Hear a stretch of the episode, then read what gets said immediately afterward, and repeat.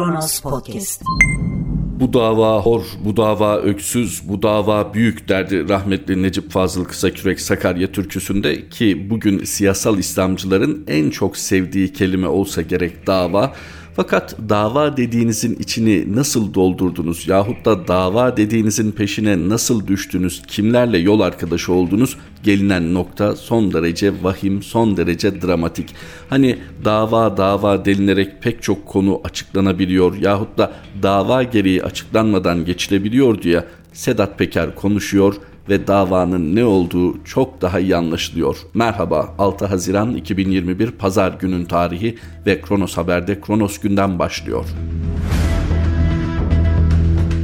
Peker'den Soylu'ya soruşturmayı Sezgin Baran Korkmaz'a haber verdin, Yüce Divanlık suç işledin. Organize suç örgütü lideri Sedat Peker yayınladığı 9. videosunda İçişleri Bakanı Süleyman Soylu'nun iş adamı Sezgin Baran Korkmaz'ı hakkındaki soruşturma ile ilgili uyardığını iddia etti. Sezgin Baran Korkmaz da bu uyarı sonrasında yurt dışına çıktı. Peker, Sezgin Baran Korkmaz'ın yurt dışına kaçmasını şöyle anlattı. 5 Aralık Resul Holoğlu organize suçlardan sorumlu Emniyet Genel Müdür Yardımcısı Sezgin Baran Korkmaz'a telefon açıyor. Basından hatırlarsınız Ermeni bir adam vardı şimdi cezaevinde. Bu adamı arıyor, İçişleri Bakanlığı'na çağırıyor. Saati de aklımızda akşam veya saat 10.30 giriş 12.30 çıkış. Sezgin Baran Korkmaz'ın bir iş adamından 45 milyon dolar alacağı var. Süleyman buna diyor ki senin hakkında tahkikat yapıldı dosya var sen yurt dışına çık. Yukarısının haberi var. Bu parayı da sil. Sorun çıkacak diyor. Şimdi bunların kayıtları da her şey çıkacak. Sezgin Baran Korkmaz 6 Aralık tarihinde yurt dışına çıkıyor. İçişleri Bakanı Organize Suçlar Daire Başkanı telefonuyla arayıp hakkında 6 ayda Türk polisi tarafından da dosya açıklanan bir adamla İçişleri Bakanlığı'na çağırıp görüşüyor. Yüce Divan yurt dışına çıkmasını söylüyor ve çıkıyor. İş nerede bozuluyor? Sezgin Baran Korkmaz bu 45 milyon doları kabul etti ya. Adam tırstı. Karşısında devlet var. Otelini de istediler. Mübarize yaptılar ya oteli yalıyı siz muhalifler baskı kuracaksınız. 5 Aralık tarihinde Sezgin Baran Korkmaz İçişleri Bakanlığı'na geldi mi? 6 Aralık'ta yurt dışına çıkmış mı? Gece görüşüyor. Bir gün sonra adam kaçıyor. İş nasıl bozuluyor onu anlatacağım. Sezgin Baran Korkmaz bakıyor her şey elinden gidecek. Otelini istiyorlar ya 45'te başladı şimdi oteli istiyorlar. Dönmüyor Türkiye'ye 28 Aralık'ta operasyon yapıyorlar. 29 Aralık ne biliyor musunuz? O gün 45 milyon doların ödenme günü. O gün haciz olacak. Sezgin Baran'ın karısını gözaltına alıyorlar. Benim evime gidip benim karımla korkutmak istediler ya aynısını ona yapıyorlar. Ben bu olayı toparlayayım diye arayan da Veys, Veys Ateş. Aranan adamın oteline gidip kalıyorsunuz. Yüz binlerce lira hesap ödemiyorsunuz. Mehmet Ağar'dan öğrenmişler bu taktiği. Adamı gasp ediyorsunuz. Siz bu adamın arkadaşı değil misiniz? O otele gitmiyor musunuz? Yediğiniz ekmeği kirletiyorsunuz. Siz adam değilsiniz. Sedat Peker anlatmaya devam ediyor. Son derece önemli ifşaatta bulunuyor. Onun için bölüm bölüm aktaralım. Kardeşlerim gazetecilere baskı yapın. Direkt Yüce Divan. Hiçbir şansı yok. İçişleri Bakanlığı'nda görüşme kayıtları. Adam kaçıyor. Ne dediğini kanıtlayamasak bile sen hakkında dosya bulunan, operasyon yapılacak olan, operasyonu da yapacak olan da telefon edip çağırıyor kesmeye. İstanbul Başsavcısı buna izin vermiyor. Cumhurbaşkanına gidiyor. Bu işte bir karışıklık var. Sizin haberiniz varmış diye. O para olayını bilmiyor. O da diyor benim haberim yok. O da diyor ki kanun ne gerektiriyorsa onu yap. Sırf İçişleri Bakanı ile orada görüşmesi bile yüce divanlık. Ertesi günü kaçması bile yüce divanlık. Sezgin Baran Korkmaz adayı terk ederse kayıt yok ama başka birçok şey var. Dik duracağız. Senin oradakinin bütün listesi de bende. Başka hangi hakim savcı kaldı listesi de bende. Tek tek anlatacağım bunların hepsini. Ajan ha ben devletin aleyhine ne söyledim? Bir tane sivil kuruluş. Orada bizim askerimiz şehit oluyor. Niye oradan Türkiye'ye hiç para gelmiyor? Niye? Şerefsiz, hırsızı hırsızlık yapanı savunuyorsunuz. Sayın Cumhurbaşkanı talimat verdi. Böyle yapıldı mı?'' Tayyip abiyle konuşurken benle mezara girecek şeyler var. Pislik olmadığımı herkese öğreteceğim. Pisliklik varsa ben onun azıyım. Ben size nasıl çalınır, nasıl çırpılır tek tek öğreteceğim.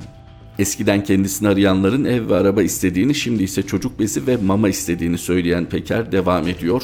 Maddi sıkıntılardan dolayı insanların intihar ettiğini vurguluyor ama ülke büyüyor diyorlar ya Süleyman %5300 büyüyor. Nasıl dediğim doğru çıktı, her dediğim nasıl doğru çıkıyor Namuslu olun ama. Bak Engin sigorta patladı. Bunlar kolpacı, bunlar sahtekar. Bize ölüm şeref, vallahi şeref, billahi şeref. Bize cezaevi şeref, bize gülmek şeref. Bunlar benim psikolojimi bozmak için geliyoruz gidiyoruz diyorlar. Lan bırak gel daha gel öldür. Çocukluğundan beri bu marşları okumuş adamı ölümle korkutmak geri zekalılıktan da öte fındık kadar beyinleriyle cumhurbaşkanı olup ülke yönetmeye kalktılar. Allah'a yeminler olsun intikamımı alacağım, kızımın ayrı alacağım. Namusunuz yok sizin, kahvesiniz ulan siz. Dünyanın en büyük istihbarat ajanları yanımda yaşıyor. 10 koruma yan yanayız. Ama arkada görüntü çıkınca nerede olduğunu tespit eden bir internet programı varmış. O ajanlar onu bilmiyordu değil mi? Ben de diyorum bunlar iki günde nasıl öğreniyor? Diğer diğer geziyoruz. Namusunuz yok lan sizin. Ara ara öfkesini özellikle soylu merkezi dile getiren Peker devam ediyor. Kıymetli kardeşlerim Bodrum'da Paramount Otel diye bir yer var. Sahibi Sezgin Baran Korkmaz. Bu arkadaş hem Türkiye'de hem de Amerika'da aranıyor. Türkiye ayrı arıyor, ABD ayrı arıyor. Sezgin Baran Korkmaz'ın otelinde kimler var? Bölge İdare Mahkemesi Başkanı Esat Toklu, Ankara. Hani İçişleri Bakanlığı'nın koyduğu yasakları kaldıran makam var ya o. Bu o kadar rahat bir adam. 0x5'te görevine gidip geliyor. Devlet bunlara Opel veriyor veya Passat. Yani hiç kimse ne der diye kaç milyonluk arabayla işe gidip geliyor. Artık sınırları aşmışlar. Güç zehirlenmesi böyle bir şey. Beynin artık önemsemiyor. Her yer onlarda yapılanmayı biliyor. Tayyip abi niye alamıyor bunu onu da anlatacağım. Başka bunun korumasıydı. Onu koruma daire başkanı yaptı. Kim? Ekrem Güler. Kim? O Silivri'deki genç emniyet müdürünün intihar etmesine vesile olan canavar. Hain. Evet gencecik çocuğu öldürdü. Bunalıma soktu. Baskı baskı. En sonunda kafasına sıktı çocuk. Veys Ateş, he tatil ekibi. Bunlar tatili de birlikte yapıyorlar. Kesmeyi de beraber kesiyorlar. Resul Holoğlu olaya sonradan dahil olacak. Şimdi bunlar tatil ekibi. Bir de Muğla Emniyet Müdürü Marina Yalıkavak vardı ya el konulan. Dikkat edin hep el koyma operasyonları Muğla'da oluyor. Şimdi de otele el koyuyorlar. Sezgin Baran Korkmaz en son mübariz de öyle demişti. Ya sendeki belgeler benim şirketim ama bende yok. Bende var kardeşim sakın onlarla anlaşayım, şirinlik yapayım, onları kurtaracak şey deme patlatırım rezil olursun.'' Müşteri portföyünün tamamı bende. Hangi hakimler, savcılar? Lan adamın otelinde ve bu adamın arandığını dünya biliyor. Ne işiniz var? Hani lan faturalarınız? Suite odalarda kalıyorsunuz. Her biri 500 avro. 10 gün kalınca 5000. Yan ekstralarla 10 bin. 100 bin lira yapar.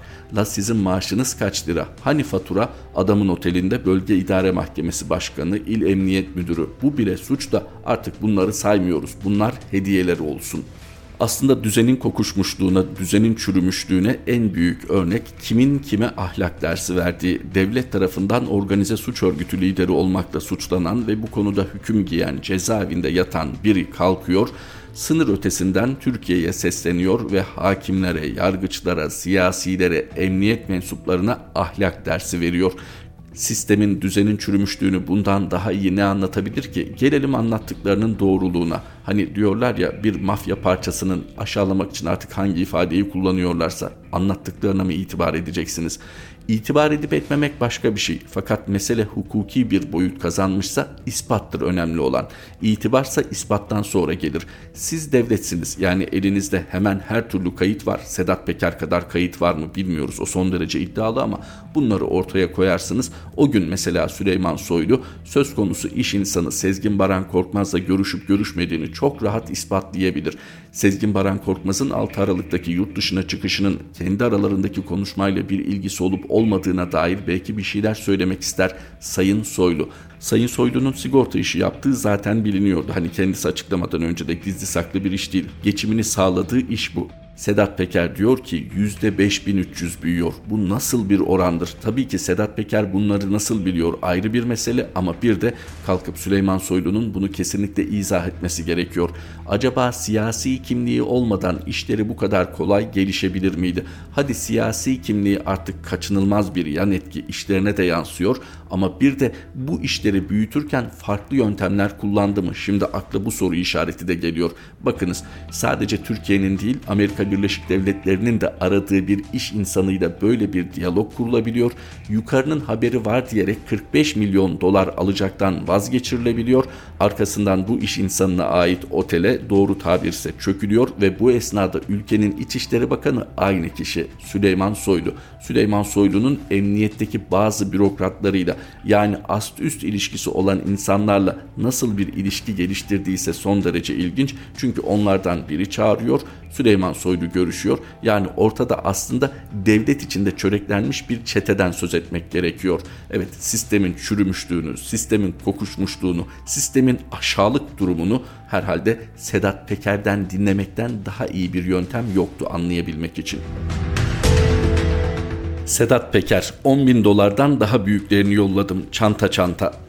Sedat Peker İçişleri Bakanı Süleyman Soylu'nun kendisinden 10 bin dolar alan siyasetçi olduğu yönündeki iddiası içinde o 10 bin dolar da yalan. Hani diyorlar ya bunu açıkta belge yok dekont yok. Çünkü ben kimseye öyle para yollamadım ama daha büyüklerini yolladım çanta çanta dedi.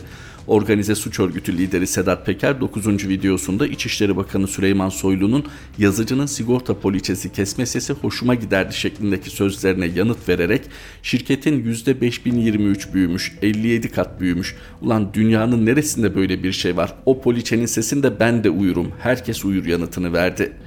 Erdal Baba 20 sene önce araba sigortalatmaya getirdiğinde Erdal Baba diyordun. Şimdi Erdal Baba lazım değil ki. Bütün holdingler sende. Poliçe sesi. E uyursun tabi.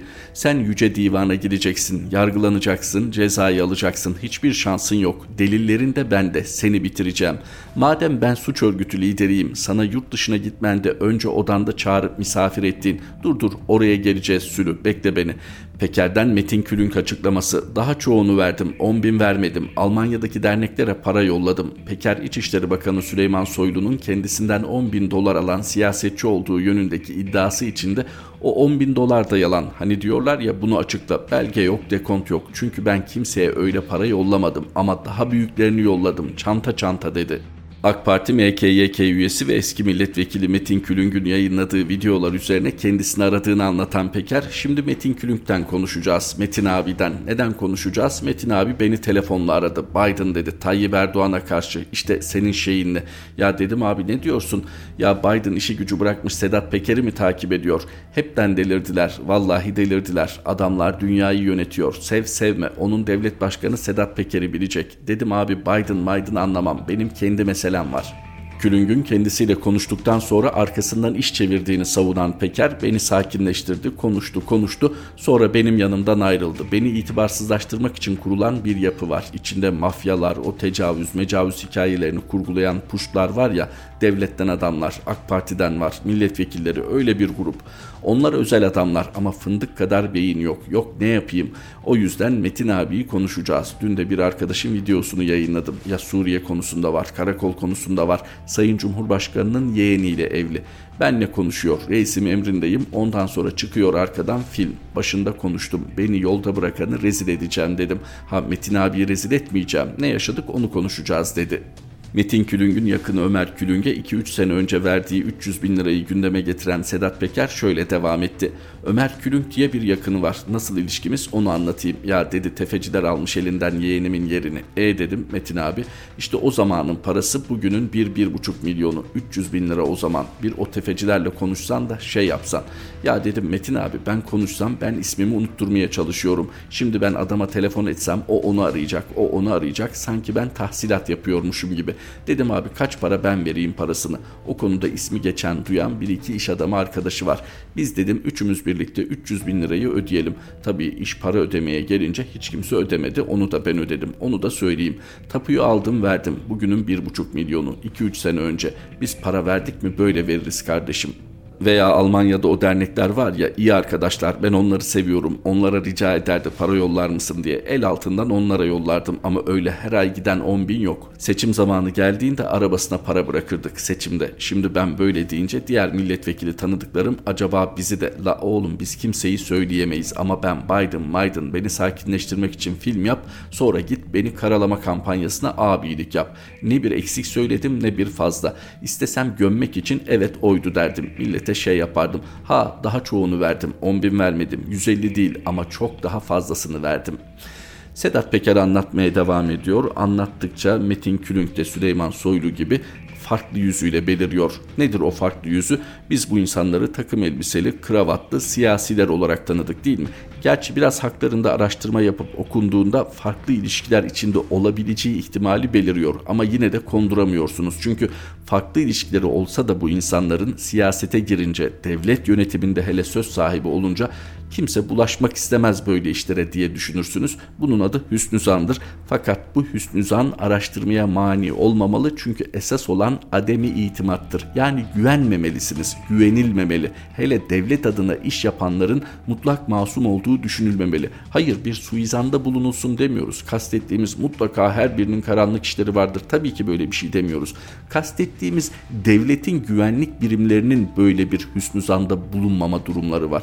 Polise böyle bir ihbar gitti. Savcıya böyle bir bilgi ulaştı. Ya bunlar yapmaz. Bunlar devleti yöneten temiz insanlar deme lüksü yok hiç kimsenin. Haklarındaki iddiaları bugün yapılmadığı gibi aslında araştırmaları gerekiyor. Süleyman Soylu ile ilgili ortaya atılan iddialar herhangi bir ülkede bile bu kadar tepkisiz karşılanmazdı. Şu ana kadar usulen bile olsa birkaç savcı işin içine girmişti. Ama duyduk mu? Duyuyor muyuz? Çünkü diyoruz ya sistem kokuşmuş, sistem çürümüş. Çünkü bu kokuşmuşluk, bu çürümüşlük içinde hepsinin birbiriyle farklı bir ilişkisi var. Hepsi derken birimler arası yoksa bireysel bazda tabii ki şu an itibariyle kimin ne kadar bu işin içinde olduğunu ya da olmadığını bilemeyiz. Ama emniyetiyle, yargısıyla, siyasetiyle, mafyasıyla bu kadar kol kola girmiş, bu kadar yasa dışına çıkmış, bu kadar devleti ayaklar altına alacak, hukuku çiğneyecek bir sistem kurmuş yapı içerisinde maalesef kolay kolay aklanmayı, kolay kolay da temizlenmeyi beklememeli. Devlet hani şu kutsadıkları, yücelttikleri dava, dava dedikleri bütünün içindeki devlet. Peki Süleyman Soylu ile ilgili bu kadar vahim iddialar niçin karşılık bulmuyor? Onu da aslında Sedat Peker videosunda ve daha öncekilerinde kurulan sistemi deşifre ederek anlatıyor. Herkesin birbiriyle bir bağ, bir ilişkisi var. Bir kısmı bu ilişkiden haberdar yahut da tahmin ediyor, onun için ileri gidemiyor. Bir kısmı ise neler karıştırdığını çok iyi biliyor, risk almıyor, alamıyor.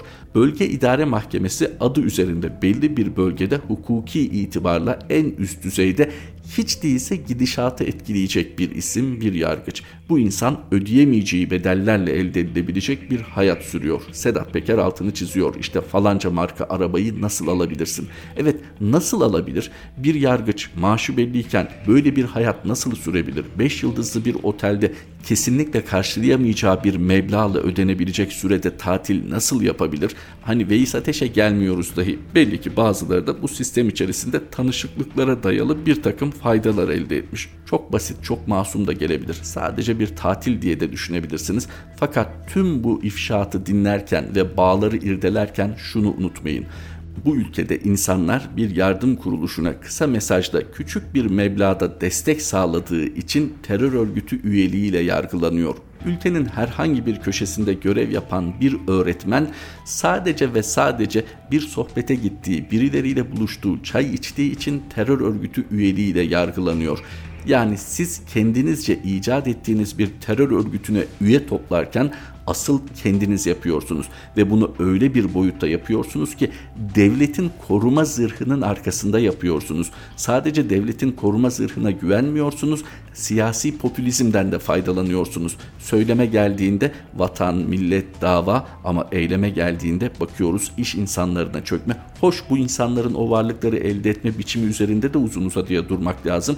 Bilen biliyor, konuyu takip edenler vakıf. Sezgin Baran Korkmaz özelinde özellikle niçin Amerika Birleşik Devletleri de arıyor? Amerika Birleşik Devletleri'nde de mal varlığı edinirken nasıl yöntemler kullanmış? Bu esnada Türkiye'de hangi siyasilerle nasıl bağlantılar kurmuş? Öğrenmek zor değil. Mesele Türkiye'de halkın oyuyla iktidara gelip İslami söylemlerde kullanıp milliyetçilik sosuna da bulayıp bu işlere nasıl bulaşıldığının anlaşılmasıdır.